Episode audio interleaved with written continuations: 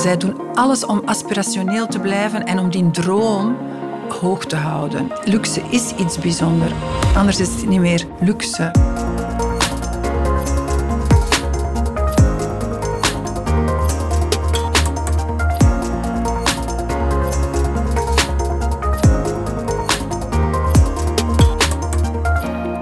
Diamonds are girls' best friend. Al eeuwenlang zijn vrouwen en mannen in de ban van dit schitterende steentje. Hoe komt dat? Kunnen we het succes van de diamant verklaren vanuit marketing? We weten dat luxe merken heel sterk inzetten op bijzondere storytelling. Niet moeilijk, ze spelen dan ook volgens andere marketingspelregels dan de gewone merken. Tegenwoordig is ook het aspect duurzaamheid belangrijk voor die storytelling. Maar zijn luxe en duurzaamheid wel een geslaagd huwelijk? En hoe creëer je nu groei met een businessmodel dat op schaarste gebaseerd is? Vandaag geven wij je gouden marketingraad. Ik ben Klaus Lommage en welkom bij een nieuwe aflevering van de Wired for Growth Sessions. Bij mij zit Iris van der Veken, Executive Director bij de Responsible Jewelry Council, een non-profit organisatie om het consumentenvertrouwen in de diamant- en juwelenindustrie te versterken en uiteraard niemand minder dan onze eigen innovative marketing-experte Carole Lamarck. Welkom, dames. Dag, Klaus. Hallo, dag Klaus.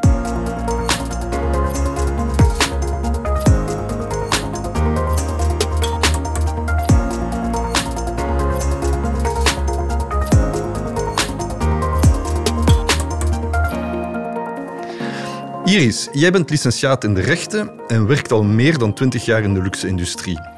Je was onder meer manager Corporate Affairs Global bij Rosie Blue, Chief Operating Officer bij Anne Meulemeester, Director Public Affairs and Policy International bij het Dubai Multi Commodities Center en nu ben je Executive Director bij de Responsible Jewelry Council. Verder ben je ook enorm bekommerd om mensen- en kinderrechten en duurzaamheid. En over dat laatste gaan we het vandaag zeker hebben. Heel welkom, Iris. Alles goed met jou? Ja, dankjewel voor de uitnodiging. Ik ben heel blij om hier te zijn vandaag. Iris, wat heeft je eigenlijk geïnspireerd om een carrière in de luxe-industrie uit te bouwen? Wel, ik ben er eigenlijk natuurlijk ingerold. Mijn eerste job was bij Real Software. Ik werkte voor Rudy Jageman. Hij was toen CEO en, en in Human Resources. En ik focuste mij vooral op uh, talent recruteren.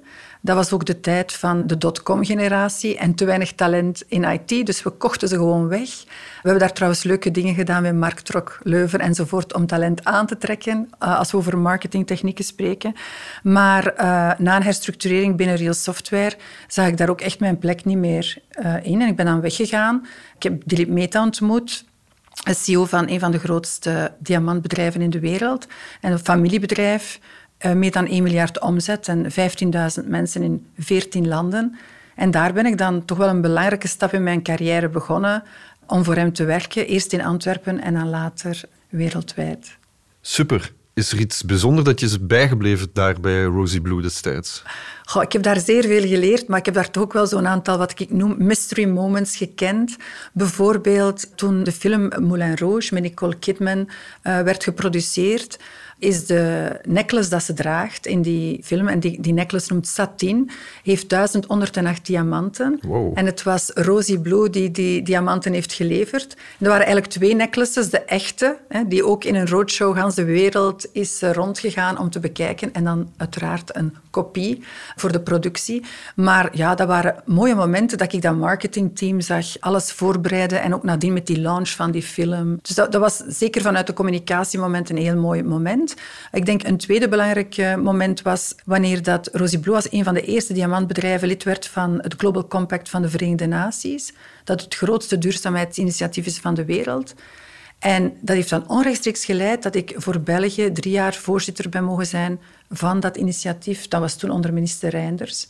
En daar heb ik zeer veel geleerd van andere sectoren, hoe dat zij duurzaamheid implementeerden. En aan de andere kant van de tafel zit iemand die marketing eet, slaapt en droomt.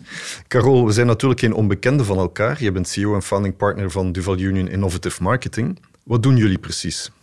Wel, ik heb van mijn passie ook mijn werk kunnen maken. En mijn onderneming heb ik eigenlijk uh, opgericht rond die passie die ik heb voor mijn vak, voor marketing. En wij helpen echt bedrijven om te groeien. Alle vragen die wij krijgen van klanten gaan altijd op de een of andere manier over groei over marktaandeel vergroten. Ja, klanten beginnen te begrijpen dat daar een aantal hindernissen voor zijn en wij verlossen hen eigenlijk van al die hindernissen, althans op marketinggebied. Bovendien schrijf je ook graag. Hè? Ondertussen ben je al auteur van drie boeken.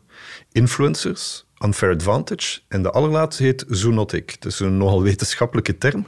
Kan je even kort de gedachte achter Zoonotic uitleggen? Ja, zeker. Dat gaat inderdaad over wat iedere marketeer van droomt. Is vroeg of laat één keer minstens viraal gaan. De meeste ondernemers eh, dromen van exponentiële groei, toch zeker van groei. En dus ik probeer voor het eerst mijn gedachten, mijn ervaringen en wat ik zie in de wereld op papier te zetten. En vooral ook voor mijn team. En helpen denken als een zoonotic leider. En die virale manier van denken, die leiderschap die je daarvoor nodig hebt, denk ik die, dat die zeer nuttig is in de tijden waarin wij nu leven. Absoluut. En jullie zijn ook voor elkaar geen onbekenden. In welke context hebben jullie elkaar leren kennen? Wel, we hebben elkaar eigenlijk leren kennen via een gemeenschappelijke vriend. En dan zijn wij zoals uh, alle goede Antwerpenaren in Antwerpen een koffietje gaan drinken en het klikte. En dan is er denk ik een warme vriendschap gestart. En daarom dat ik ook zo blij ben om hier vandaag met jou aan de tafel te zitten. Zalig. Iris, we gaan het deze middag natuurlijk hebben over de Responsible Jewelry Council. En dus de vraag is of je even aan de luisteraars wilt uitleggen wat dat nu precies is, natuurlijk. Ja, dus de Responsible Jury Council is opgericht in 2005 door een aantal grote merken, uh, u waarschijnlijk wel bekend, zoals Cartier, uh, Tiffany, de Blue Box, maar ook de Beers, Rosie Blue en eigenlijk veertien founding partners met één belangrijke missie om vertrouwen te versterken in de wereldwijde juwelensector. Dus het heeft een aantal jaren geduurd om die standaard te ontwikkelen. Met andere woorden, er is een code of practice ontwikkeld rond mensenrechten, milieu, klimaat, uh, productintegriteit. En bedrijven gaan uh, lid worden van de organisatie, CEO's, en daardoor gaan zij ook zich onafhankelijk laten auditen rond de implementatie van die code. Dus dat is eigenlijk in een nutshell wat dat wij doen. Ik denk dat het belangrijk is om te vertellen aan de luisteraars, je moet weten, in 2005 was er nog niet echt die tijdsgeest van duurzaamheid. Dus dat was wel baanbrekend dat die veertien CEO's, die eigenlijk vaak concurrenten waren, maar die ook effectief in verschillen, op de verschillende plaatsen van de waardeketen zaten, zowel van de mijn tot de retailer. Dus die zaten aan de tafel. Vandaag tellen wij 1600 bedrijven in 71 landen en hebben wij de grootste luxe conglomeraten die daar lid van zijn, dus uh, de Kering Groep, LVMH. En zijn het die veertien mensen die dat initiatief gestart hebben destijds? Of was er één iemand die de initiatiefnemer was en die veertien eerste leden gevonden heeft? Nee, het zijn eigenlijk die veertien die samengekomen zijn. Ik denk ook wel een aantal CEO's uiteraard uh, hadden denk ik echt een visie van wij, wij moeten toch wel iets doen om die sector ook te beschermen en ook, ook echt te gaan promoten. Ja, en een betere reputatie En vooral naar reputatiemanagement. Dus ik vond dat heel pioneer thinking. Nou ja, dat zal wel. Maar als je dan ziet van 14 in 2005 naar 1600 nu, dat is eigenlijk gigantisch natuurlijk, die groei. Ja, dat is fantastisch. En ik ben ook heel fier te melden dat sinds dat ik aan boord ben, dat we 20% groei hebben. En iedereen heeft altijd gedacht, COVID, wat voor impact gaat dat hebben op duurzaamheid? Eh, of op toch wel bedrijven die daar lid van gaan worden. En wij zien dat er een enorme movement aan het gebeuren is rond de uh, luxe sector om effectief duurzaamheid echt centraal te stellen van hun businessstrategie. Oké. En is dat voor jou de belangrijkste verklaring van die groei? Dus het toenemend belang van, van duurzaamheid in de, in de strategie? Of gebruik je bepaalde marketingtechnieken om die mensen te overtuigen? Ik denk dat er twee belangrijke drijfkrachten zijn. Ik denk enerzijds de consument. We hebben eigenlijk de millennials en de Gen Z-generatie die wat wij noemen conscious activists geworden zijn. En zij zoeken naar purpose. Zij willen weten, wat voor een bedrijf is dat eigenlijk? Hoe gaan die om hun medewerkers? Hoe gaan die om hun supply chain? Wat doen die aan het klimaat? Wij doen heel veel marketinganalyse via de Natural Diamond Council. Zien wij dat dat enorm aan het versterken is, die, die beweging. Dus zij willen meer weten. Dus dat wil ook wel zeggen dat daar antwoorden moeten kunnen komen op die vragen. En wij geven eigenlijk de bedrijven een oplossing. Want wij geven ze een standaard die, en, en dat is ook onafhankelijk. Dus dat is belangrijk. Een tweede belangrijke drijfkracht is ook wel het regulerend karakter. Want als je kijkt bijvoorbeeld naar de eh, wetgeving van de Europese Commissie, wat er nu komt, is gaat allemaal rond meer transparantie, meer rapportering, meer duidelijkheid. Wat zijn uw inspanningen rond duurzaamheid? Dus dat is een trend die alleen maar gaat versterken. Dus ja, ik denk dat we daarin zitten we volgens mij in een soort van hoogtepunt van die, hoe zeg je, van die movement. In een ander interview, ik denk voor de tijd, noemde je het uh, gewetenscultuur hè, bij die generatie. Ik denk dat het wel een hele treffende term is. En dat inderdaad hoog tijd wordt dat bedrijven daar rekening mee houden.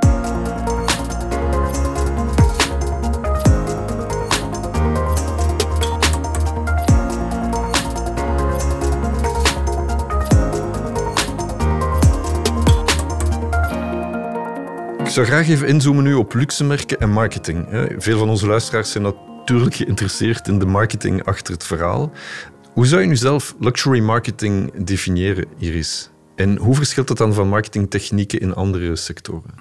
Ja, ik vind het wel belangrijk. Ik ben geen Ik denk dat er naast mij een goede marketing-expert zit, dus dat is fantastisch.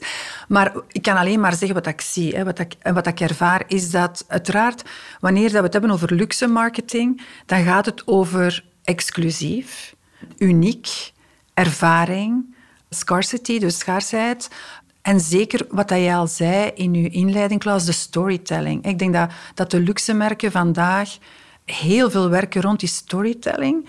En, en zij doen alles om aspirationeel te blijven en om die droom hoog te houden. En eigenlijk denk dat dat ook is wat dat luxe is. Het, luxe is iets bijzonders. Anders mhm. is het niet meer luxe. Nee, het is iets aspirationeel natuurlijk. Hè. Daarom wordt het ook zo neergezet, uiteraard.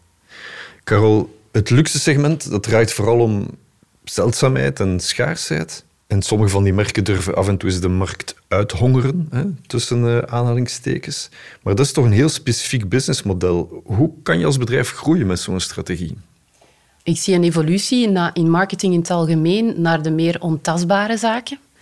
En hoe meer ontastbaar iets is, bovenop het juweel, bovenop de schoonheid van het product, die eigenlijk maar de basis om, is om mee te mogen doen, het luxueuze product aan zich is tastbaar, maar het is nu net heel het imago, om het met een eenvoudig woord te zeggen, het ontastbaar gedeelte, dat effectief die schaarste verhoogt. De prijs stijgt. Het imago is het ontastbare gedeelte van het luxe product. En ik denk dat als er iets is dat je van luxe merken kan leren als marketeer, is net hoe ga je om met heel, die, het, heel het ontastbaar gedeelte van hun product. Wij zien kansen voor bedrijven die eigenlijk helemaal niet in luxe producten zitten officieel, om die hospitality, om die intangible part van het product te zien als een mogelijkheid om beter te doen in de marketing die ze nu uitvoeren.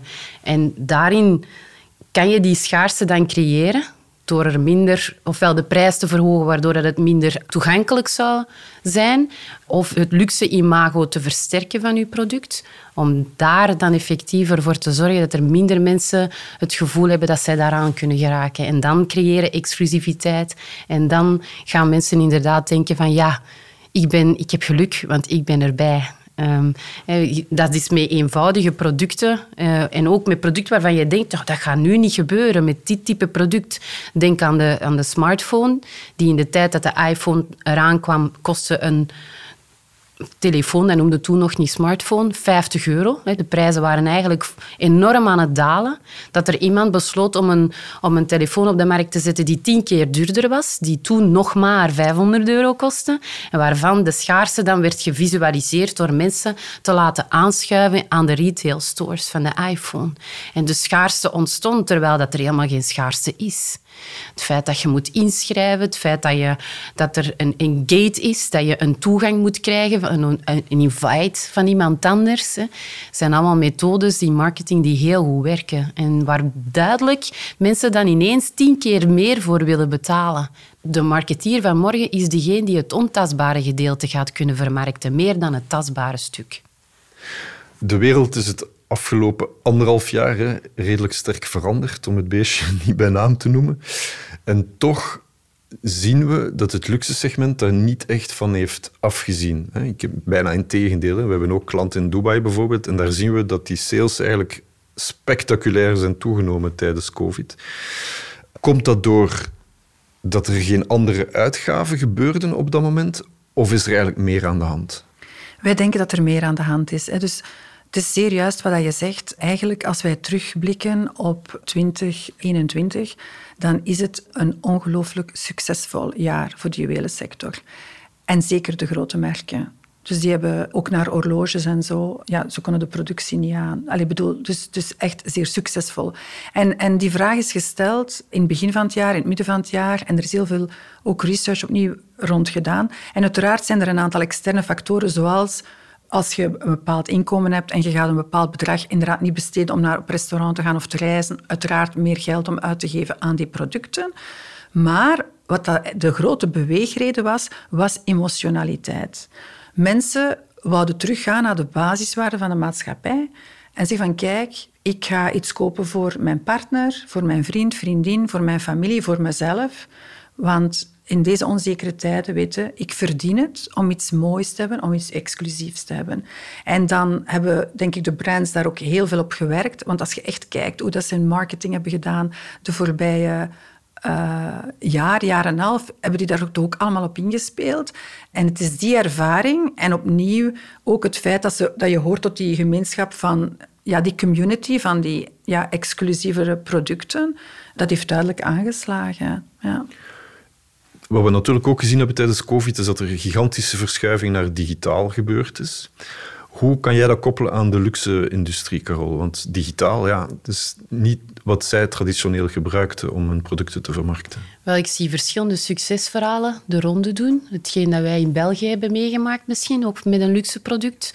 Uh, Porsche, tijdens de uh, annulatie van het autosalon, voor alle merken is dit een probleem, of dat je nu een luxe merk bent of niet. Daar heeft Porsche echt een ommezwaai gedaan naar een digitaal platform. En technisch is dat een prouesse. Je kan met die auto's rijden alsof dat je midden in een James Bond film aanwezig bent. Dus je krijgt zo een regisseurgevoel van je eigen auto-ervaring. Op zich is dat weer heel productgedreven en zeer sterk. Ik denk dat het feit dat dit platform exponentieel gegaan is en de salesresultaten heeft gebracht die ongezien waren voor de Belgische markt in een jaar zonder autosalon, dat de reden daarvoor vooral is het begrijpen van de emotionele waarde, zoals jij zegt, Iris, de emotionele waarde van het merk Porsche, om dat binnen een technische omgeving ook zo sterk te kunnen neerzetten. En dan krijgen ze alle mogelijke marketing awards, altijd fijn voor de marketeer in kwestie, maar ook de salesresultaten volgen dan ook. En dat vind ik een zeer sterk voorbeeld kort bij ons, maar internationaal internationaal zie je dat de luxe-industrie over de jaren heen redelijk lang gewacht heeft om naar digitaal te gaan. Net om die bezorgdheid van het 2D-gevoel dat je kan hebben als je online gaat. Het kan niet de bedoeling zijn om je producten, je luxe producten, op een digitaal platform te zetten dat dat het gevoel geeft dat je in er, tussen de rekken loopt van de Colruyt bijvoorbeeld, niets tegen Colruyt, maar geen luxe-industrie. En dus hij heeft de luxe-industrie redelijk lang gewacht, maar ze hebben dan toch wel gelijk gekregen, goed over nagedacht. Ze zitten ondertussen ook in Generation Z, in Generation Millennials. Uh, zitten ze producten te maken die zeer appealing zijn. Ik denk dan aan de Mystery Box bijvoorbeeld, waarbij dat je voor 350 euro jezelf een cadeautje kan gunnen of aan iemand anders kan geven. De waarde van het product ligt veel hoger, maar je weet vooral niet wat je voor 350 euro koopt. Je koopt luxe producten zonder te weten wat erin zit. En typisch iets dat heel goed werkt in die uh, doelgroep.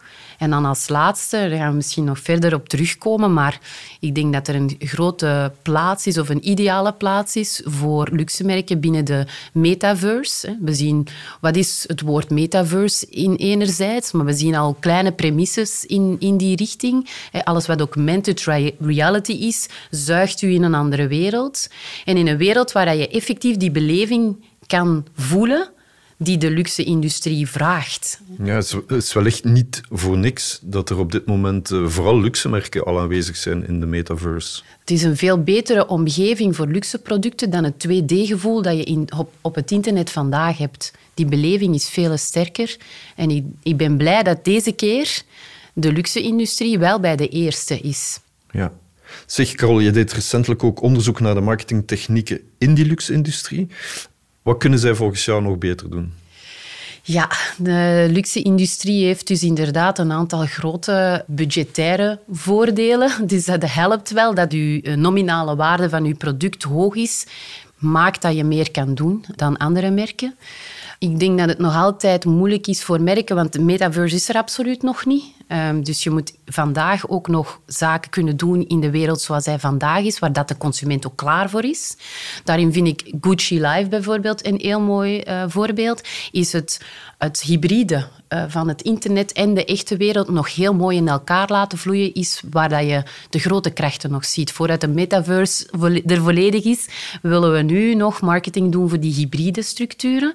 En Gucci Live geeft u de mogelijkheid om als fysieke persoon, als merk fysiek aanwezig te zijn. Dus je loopt eigenlijk in een winkel waar geen klanten rondlopen. De klanten die zitten achter hun computer op het internet en die krijgen dan de verkopers fysiek te zien. Dus in plaats van gewoon een anonieme website of e-platform te hebben, ga je eigenlijk digitaal in de winkel als consument en staan daar wel real-life people, hè, zoals het vroeger was, hè, uh, voor u gedienstig te zijn. En die hoffelijkheid en die hospitality en die untangible.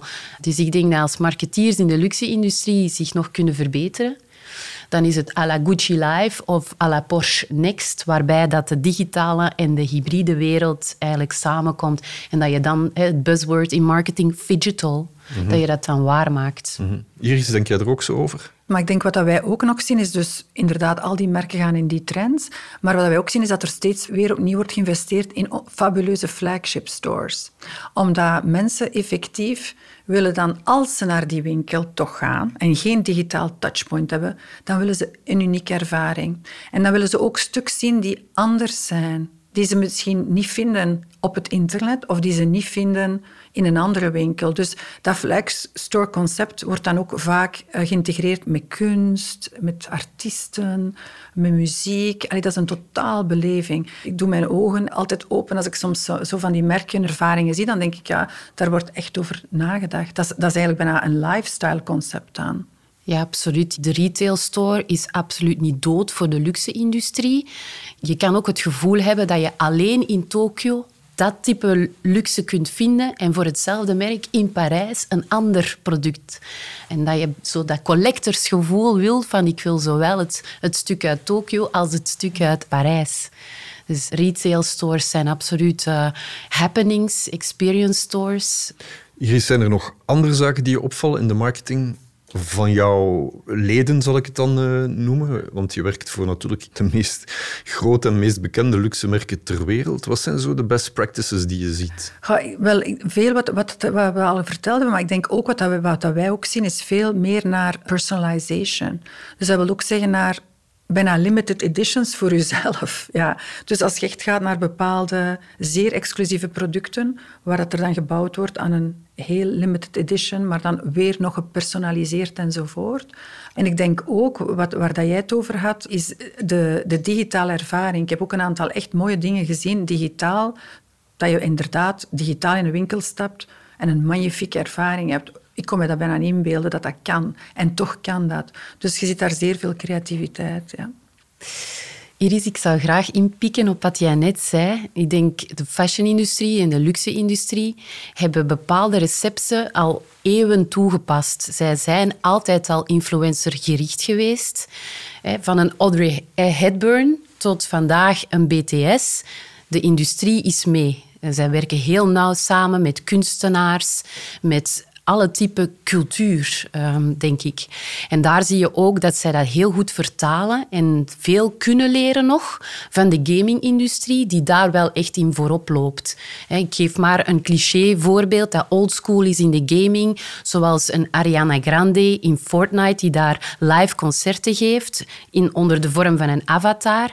Dat zijn de zaken waar dat de luxe-industrie nog voorbeelden uit kan halen. Dus we hebben nu al wat marketinggeheimen van de luxe-industrie uit de doeken gedaan. Maar hoe past duurzaamheid in dit verhaal en wat betekent het voor de toekomst van die merken? Daar hebben we het zo meteen over.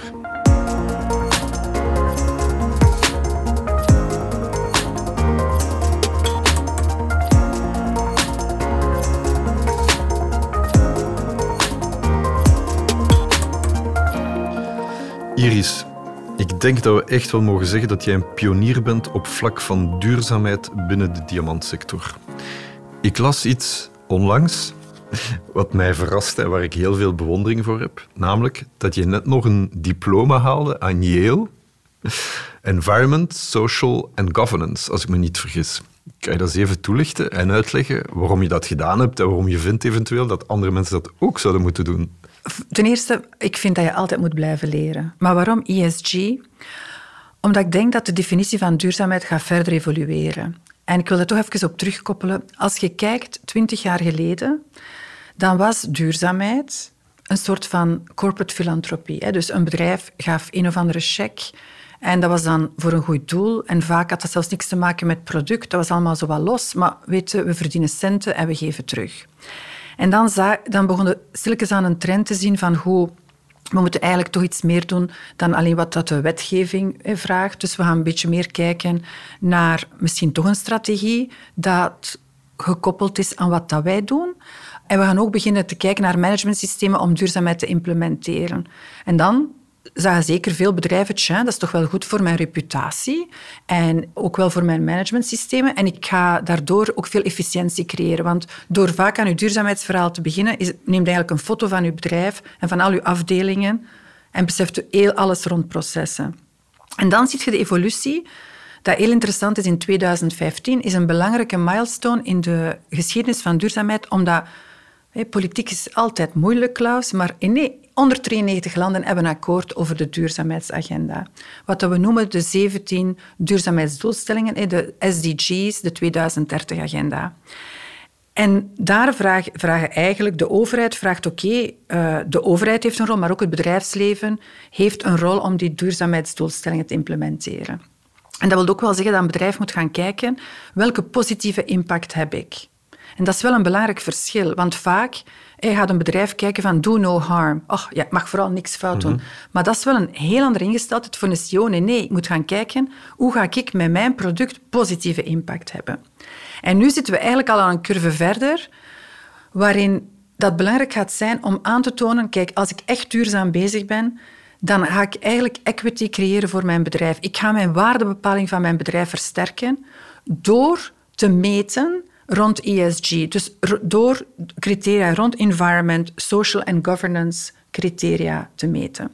En ESG, ja, dat is natuurlijk een term dat gebruikt wordt vooral door investeringsrating agencies, mhm. om eigenlijk te zeggen van kijk, je bent goed bezig of bent minder goed bezig. En ik geloof heel hard dat dat de nieuwe taal, het nieuwe alfabet gaat worden van duurzaamheid. En ik heb dan gekeken, ja, wie zijn daar experten in? En Harvard had daar wel een cursus van, maar eigenlijk had Yale de meest uitgebreide cursus.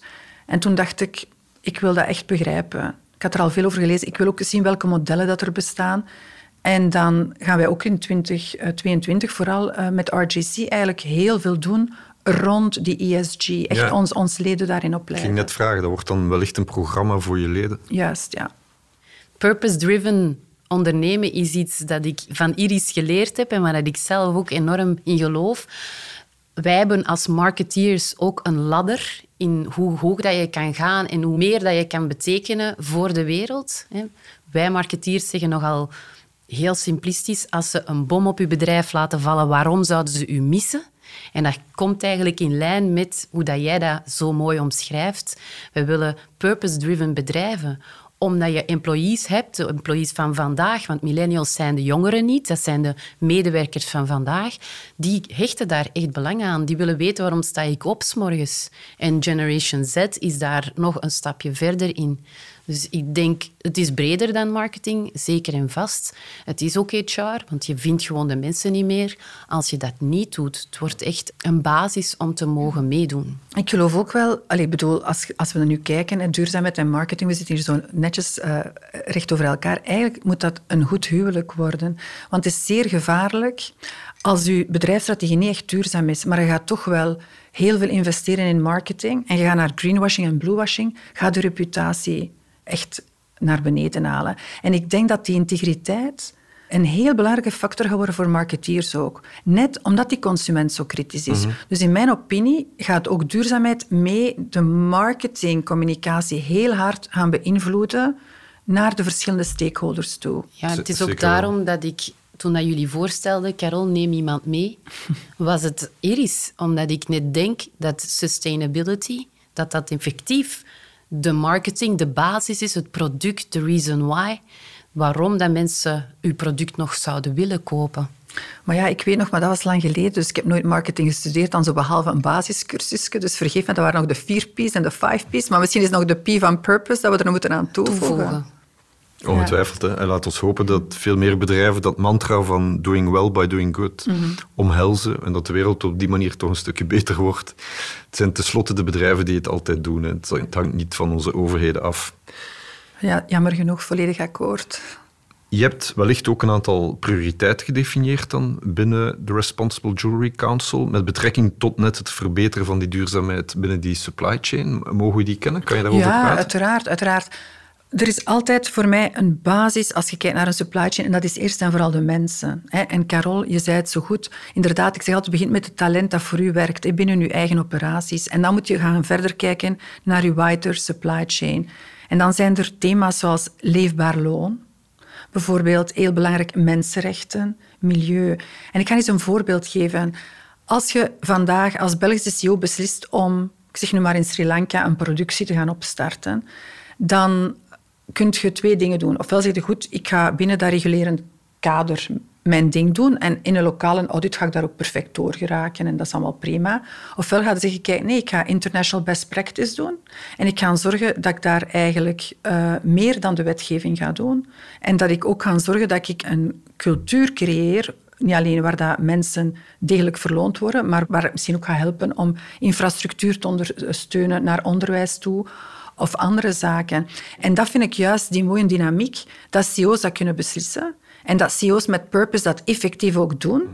En daarom geloof ik ook dat die waarden van die CEO zo belangrijk zijn dat dat helemaal doorgedreven wordt om die boodschap te versterken. Dus als je kijkt naar thema's, Klaus, dan zou ik zeggen echt arbeidsomstandigheden, veiligheid uiteraard.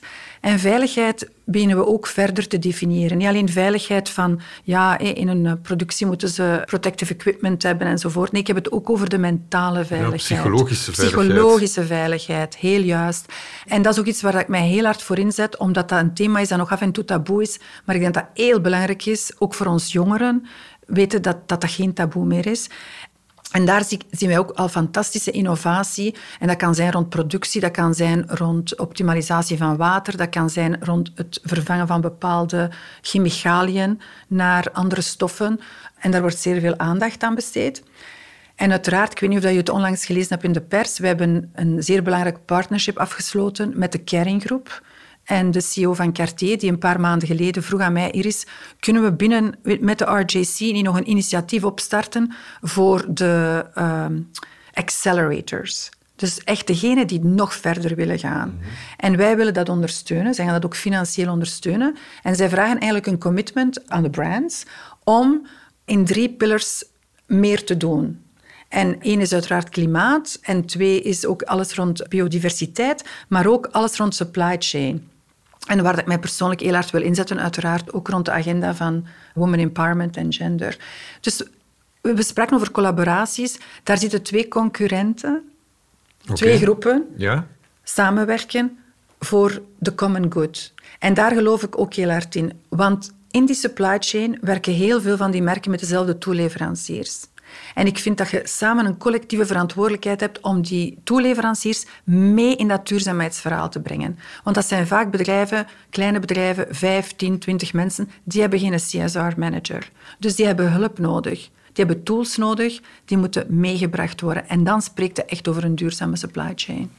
Ik denk ook dat binnen Purpose er veel minder concurrentie heerst. Er is veel concurrentie rond het product, rond het merk, maar rond het goed doen voor de maatschappij vervaagt die concurrentie volgens mij. Absoluut, absoluut. En ik zie dat ook, allee, bijvoorbeeld een heel mooi voorbeeld is Bulgarië in Italië, wat, wat, dat die doen eigenlijk rond education naar hun toeleveranciers.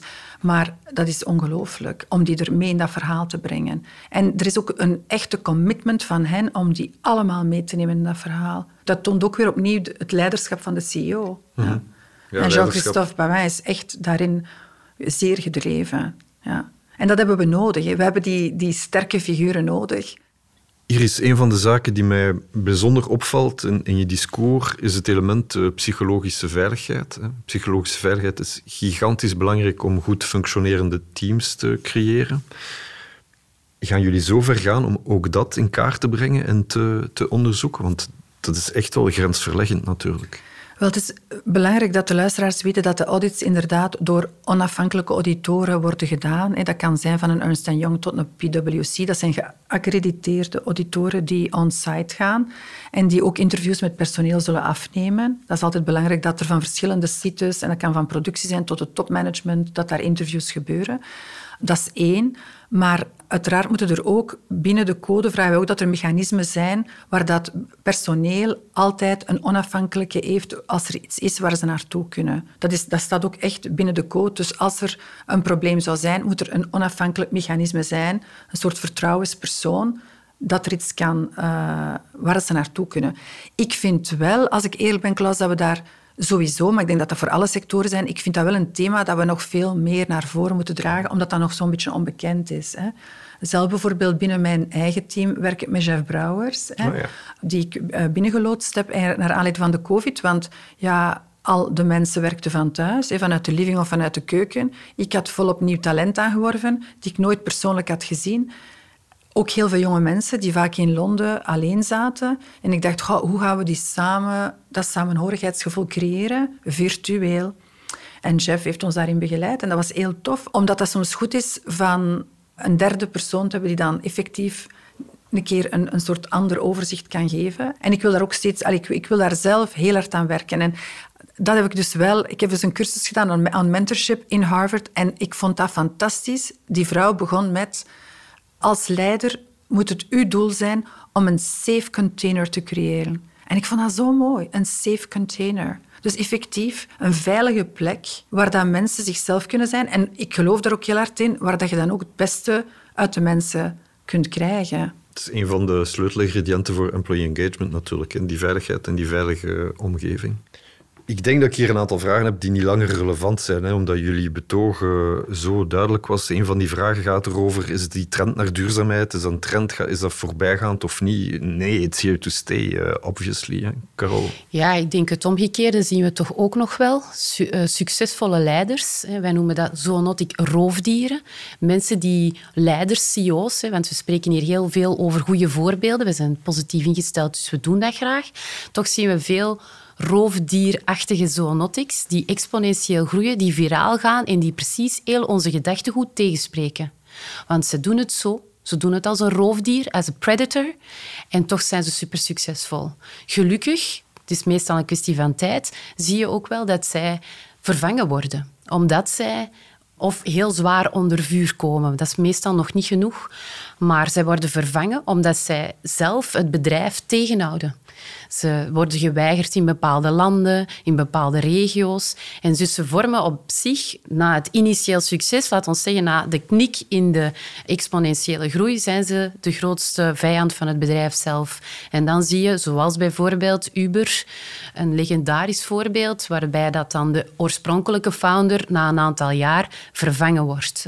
Dat is misschien minder het geval bij jonge ondernemers die het gezicht zijn van het bedrijf en die dan congresses mogen beantwoorden, vragen mogen beantwoorden en toch nog in stand worden gehouden.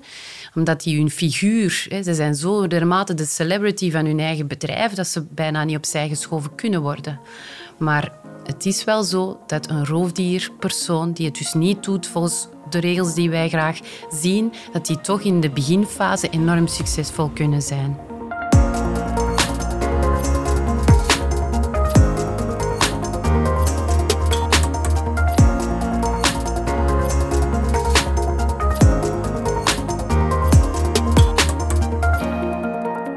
Carol, wat je net zei, hè, is dat eigenlijk komt erop neer dat bedrijven de leiders krijgen die ze verdienen, of dat we vandaag de dag gelukkig zien door de veranderende tijdsgeest dat een aantal praktijken niet meer door de beugel kunnen, waarbij leiders verzocht worden, meestal door de aandeelhouders, hè, om op te stappen dat zit ook nogal verweven met het thema van gender equality. Denk aan de hele MeToo-golf die over ons heen raast.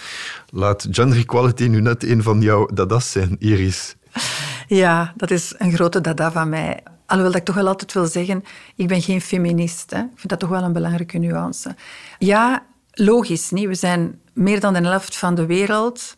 Dus ik vind wel dat we moeten gelijke kansen krijgen en, en zeker uh, onszelf ook kunnen verder ontwikkelen zoals het hoort. Maar soms staan mijn haren recht als ik hoor van quota's enzovoort. Het, ik maak me daar soms ook wel een beetje zorgen over. Omdat je hebt uiteraard een systematische aanpak nodig. En dan denk ik, in het eerste geval door, door landen, door de overheid heeft een belangrijke rol, door wetgeving. Als je vandaag kijkt, zijn er nog een heel aantal landen in de wereld waar gewoon door de wetgeving op zich al de vrouw geen gelijke rechten heeft. Mm Dus we zijn op de internationale dag vandaag van Human Rights. In 1948 was de Declaration of Human Rights getekend vandaag. Ja, dat is Pas later werd er gezegd, wel, women rights are human rights. En dus we hebben al een ganse weg afgelegd. Daar zien we ook een beweging, net zoals die duurzaamheidsbeweging, dat iedereen aan het kijken is, hoe kunnen we dat doen? Maar zoals ik zeg, dat heeft, dat heeft een systematische aanpak nodig. Dat heeft ook te maken met leadership en de cultuur van een bedrijf. En ook zorgen dat je zodanig een structuur creëert binnen je bedrijf dat je voldoende talent kunt laten doorstromen. En ook de omgeving creëert voor vrouwen om te kunnen doorstromen. Want als ik daar zelf op terugkijk, twintig jaar geleden, ik zie me nog met mijn maxicosi, met Alexander, uh, naast mij op een bureau lange uren kloppen. Dat werd gewoon verwacht. Flexibiliteit, miniem. Dat was ook de cultuur. Wij stelden ons ook geen vragen. Het was zo. En ik denk dat is het positieve vandaag, dat het bespreekbaar is, dat er steeds meer flexibiliteit is. En dat is zeker juist. Ja. Maar het is natuurlijk niet alleen een persoonlijk streven van jou, of, of het begint daar, denk ik, maar ik denk dat je dat ook doorheen de Responsible Jewelry Council hanteert, hè, dat principe van gender equality. Ja, ja Klaus, want allee, 90% van de aankopen wordt beïnvloed door vrouwen. Dus dat is één. Dat is wel een, belangrijke driver. En ten tweede, wat we hebben gewerkt met BSR, dus dat is een uh, gespecialiseerd agentschap die heel mooi werk heeft met ons geleverd om te kijken wat zijn nu eigenlijk de obstakels voor vrouwen binnen de sector en wat kunnen we eraan doen. En we hebben vorig jaar eigenlijk roundtables georganiseerd in Noord-Amerika, in Afrika, in India, in Europa, met een heel aantal vrouwen en mannen van verschillende delen van de supply chain en wat kwam daaruit? Dat was, vond ik al heel interessant, dat veel bedrijven niet wisten van hoe begin ik er dan aan? Ja, ik heb eigenlijk... Hoe begin ik daaraan? Hoe ga ik die cultuur laten evolueren? Het gaat niet zomaar van morgen zeggen, ik ga je nu een policy creëren. Nee. Je moet effectief nadenken over je bedrijf, over je strategie. Hoe gaat je dat doen? En dan ook heel veel opportuniteiten rond mentorship. Hoe kan ik bijvoorbeeld een vrouw in India mentoren, maar hoe kan misschien een vrouw in Afrika mij mentoren om mij ook dingen bij te leren? Hoe kunnen we van elkaar leren? En door dat netwerk te versterken, misschien ook opportuniteiten geven naar employment toe. En dan heel veel uh, education. Ik denk dat er nog zoveel sensibilisering nodig is om niet alleen de agenda van gender, maar ook volledig naar inclusiviteit. Want het is niet alleen vrouwen, hè? als we erover nadenken. Hoe kunnen we inclusieve, evenwichtige cultuur creëren, die dan ook wel highly performant is? Want ik zeg altijd... Ik zeg altijd, wij zijn eigenlijk geen non-for-profit. We zijn een corporate met een hart. Want ik wil echt net zoals een business, wil ik dat ons members en onze klanten, wil ik excellence geven in wat wij doen. Ja, maar met dat verschil denk ik dat jouw organisatie heel veel impact heeft. En heel veel impact heeft eigenlijk op de wereld. Hè? Niet alleen op die bedrijven, maar door hetgeen wat jullie praktiseren, hanteren, preachen eigenlijk ben je toch wel een hele grote beweging aan het, aan het veroorzaken. Ja, en ik zou eigenlijk iedereen uitnodigen om eens naar de website te gaan, uh, www.responsiblejury.com, naar ons roadmap 2030. Dus want we hebben in 2019 hebben wij eigenlijk met heel veel spelers, zowel de grote merken van Chanel, Cartier, Hermès, tot eigenlijk een kleine supplier in India, rond de tafel gezeten met experten van hoe kunnen wij als sector collectief veel meer doen naar positieve impact. We hebben daar een document voor uitgeschreven, maar belangrijker, we hebben nu tools uitgeschreven om dat te meten. En we hebben de eerste piloot nu gedaan met 40 merken. De resultaten komen Q1 2022 eh, naar buiten. En 2022 gaan we vooral sensibiliseren van hoe kun je het meten? Want meten is weten en dat geeft dan je proefpoints om naar je consument een juist verhaal met integriteit te vertellen. Ja, ik denk dat jij die uitspraak Diamonds are girls best friend op wel een heel bijzondere manier in de praktijk brengt en dat echt wel werkelijkheid maakt op deze manier. Carol, jij bent ook een power woman. Als jij kijkt naar de hele gender equality kwestie, wat zijn jouw indrukken? Ik denk dat vrouwen zelf een rol te spelen hebben, zowel in marketing. Wij zijn heel vaak degene die alles visibel maken op tv, in de krant. Dus de manier waarop dat wij situaties en merken naar voren brengen, maakt het ook inclusiever of absoluut niet, of versterkt bepaalde stereotypen of net niet. Aan de andere kant, vrouwen binnen HR hebben ook een belangrijke rol te spelen. Ik kan niet begrijpen dat bijna alle afdelingen bij HR zijn vooral gepopuleerd door vrouwen. Zij zien de lonen. Zij zien de mensen die aangeworven worden. Zij zijn de eerste stap. En dus ik heb daar een probleem mee dat in vele gevallen loonsonevenwichten, dat die door HR absoluut geweten worden en dat wij eigenlijk meer zoals mannen een voetbalploeg vormen en altijd maten hebben, ook al zijn ze niet altijd super bevriend met hen. Zij vormen een bepaald team, een ploeg, en zij gaan samen voor één doel. Vrouwen hebben dat bij mij in mijn carrière, in mijn jongere carrière, niet echt gedaan. Zeer individuele spelers. De laatste jaren, echt in het kader van Elke Jurissen, Straffe Madammen en die zaken meer, heb ik de vrouw eigenlijk gevoeld die opkomt voor een, voor een andere vrouw. En dat mag alleen meer zijn. Daarom zijn wij ook bevriend geworden, denk ik, een stukje daarvoor. Dus dat vind ik wel fijn. We moeten elkaar ook helpen. Aan de andere kant heb je dan zeer vrouwvriendelijke mannen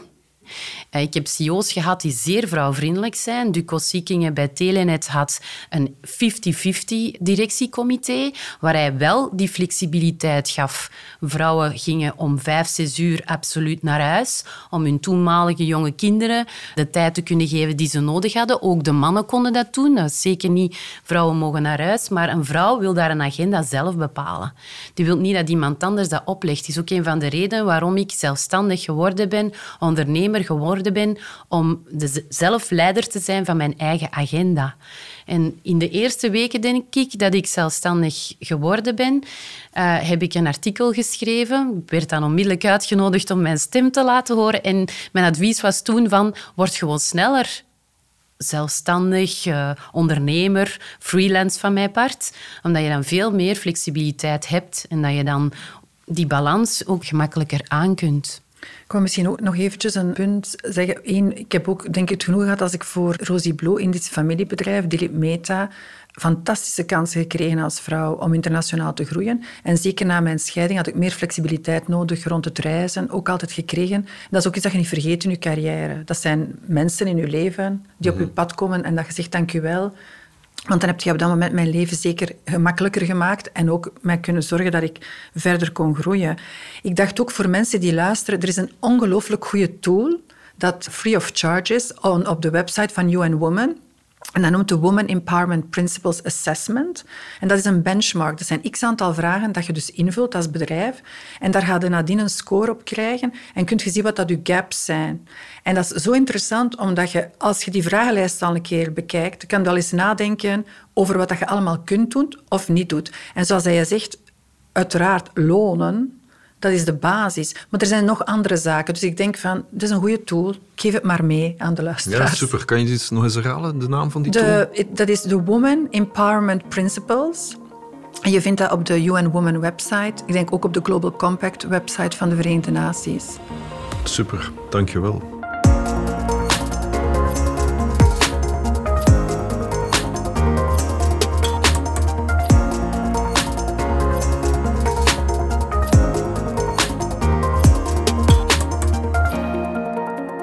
Superboeiend allemaal.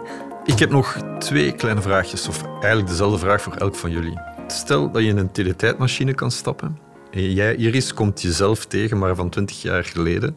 Wat is het advies dat je aan jezelf zou geven? Um, ehm, 20 jaar geleden. Iris, you need to step up more. Ik denk dat dat advies zou geweest zijn. En wat bedoel je dan? Meer voor jezelf opkomen? Of? Ja, het is oké voor jezelf op te komen en je stem te laten gelden. Uiteraard met respect en integriteit. Ik denk dat vaak, zoals iedereen van ons, we zijn op een bepaalde manier opgevoed, we hebben bepaalde invloeden gehad, we zijn een stuk biased. Ik denk, doorheen je carrière ontwikkelt u en beseft je steeds meer ja, wie dat je eigenlijk bent en, en, en waar dat je voor staat. En ik probeer dat ook vaak aan jongeren te zeggen it's okay, hè? It's okay to disagree. It's okay. please step up. En ik denk, ja, dan zou ik zeggen, come on Iris, please step up. En jij, Carol? Uh, voor mezelf en ook als ik jongere mensen tegenkom, is hetgeen dat ik graag meegeef, is werk echt zo snel mogelijk, en het is in lijn met dat, wat Iris zegt, werk zo snel mogelijk aan je zelfvertrouwen. Want dat is een onwaarschijnlijke rem op alles wat dat je wil doen. Het wordt niet altijd gewaardeerd, zeker in onze cultuur niet altijd, om zelfzeker te zijn. Maar het is de, uw grootste rem. Dus hoe sneller dat je van je twijfels verlost bent, hoe sneller je vooruit gaat. Dus ik geef aan de jongeren echt het advies als ik zo les ga geven en zo. Probeer uw gebrek aan zelfvertrouwen enorm onder controle te houden. Want sociale media, Instagram, ondertussen bewezen, helpt daar niet bij.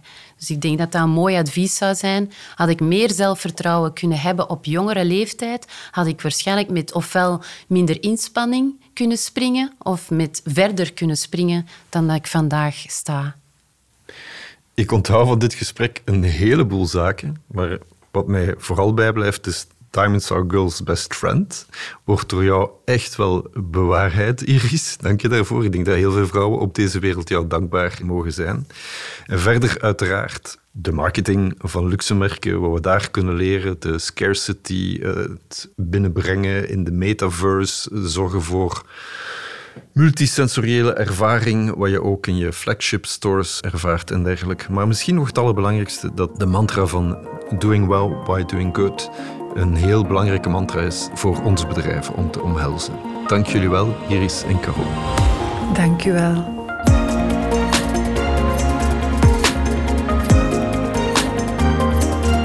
Dit was alweer een aflevering van de Wired for Growth Sessions. Beluister onze vorige afleveringen voor meer groeitips of surf naar onze website duvalunion.com.